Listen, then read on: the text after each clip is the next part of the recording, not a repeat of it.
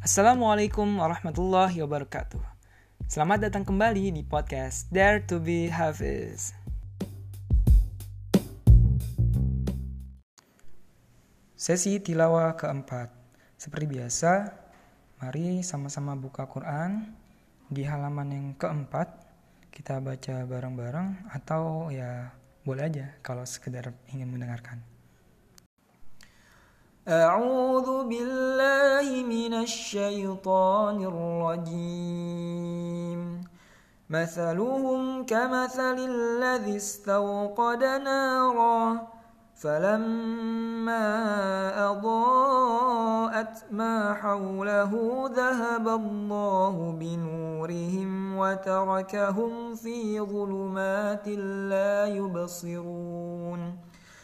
صم بكم عمي فهم لا يرجعون أو كصيب من السماء فيه ظلمات ورعد وبرق يجعلون أصابعهم في آذانهم من الصواعق حذر الموت ۖ والله محيط بالكافرين. يكاد البرق يخطف أبصارهم. كلما أضاء لهم مشوا فيه وإذا أظلم عليهم قاموا. ولو شاء الله لذهب بسمعهم وأبصارهم. الله على كل شيء قدير. يا أيها الناس اعبدوا ربكم الذي خلقكم والذين من قبلكم لعلكم تتقون.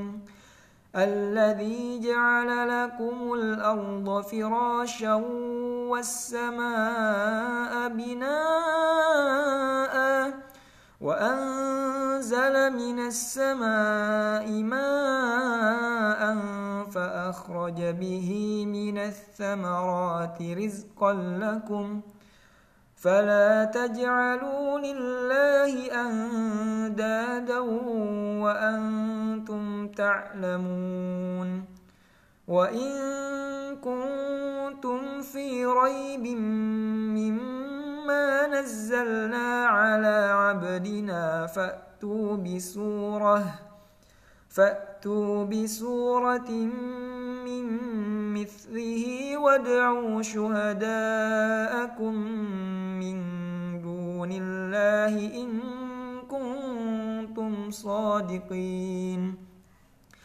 فإن لم تفعلوا ولن تفعلوا فاتقوا النار التي وقودها الناس والحجارة أعدت للكافرين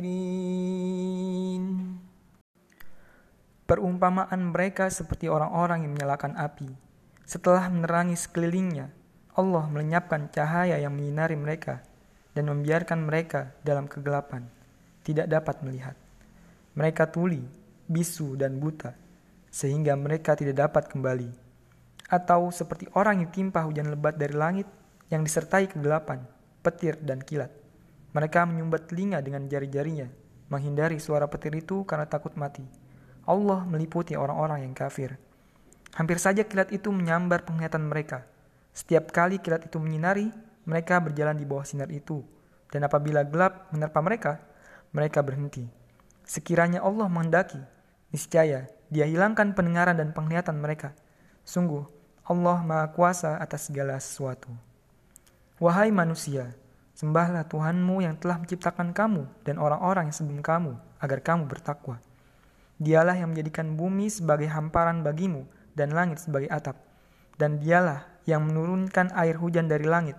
Lalu dia hasilkan dengan hujan itu buah-buahan sebagai rezeki untukmu karena itu, janganlah kamu mengadakan tandingan-tandingan bagi Allah, padahal kamu mengetahui. Dan jika kamu meragukan Al-Quran yang kami turunkan kepada hamba kami Muhammad, maka buatlah satu surah semisal dengannya, dan ajaklah penolong-penolongmu selain Allah jika kamu orang-orang yang benar. Jika kamu tidak mampu membuatnya, dan pasti tidak akan mampu, maka takutlah kamu akan api neraka yang bahan bakarnya manusia dan batu yang disediakan bagi orang-orang kafir.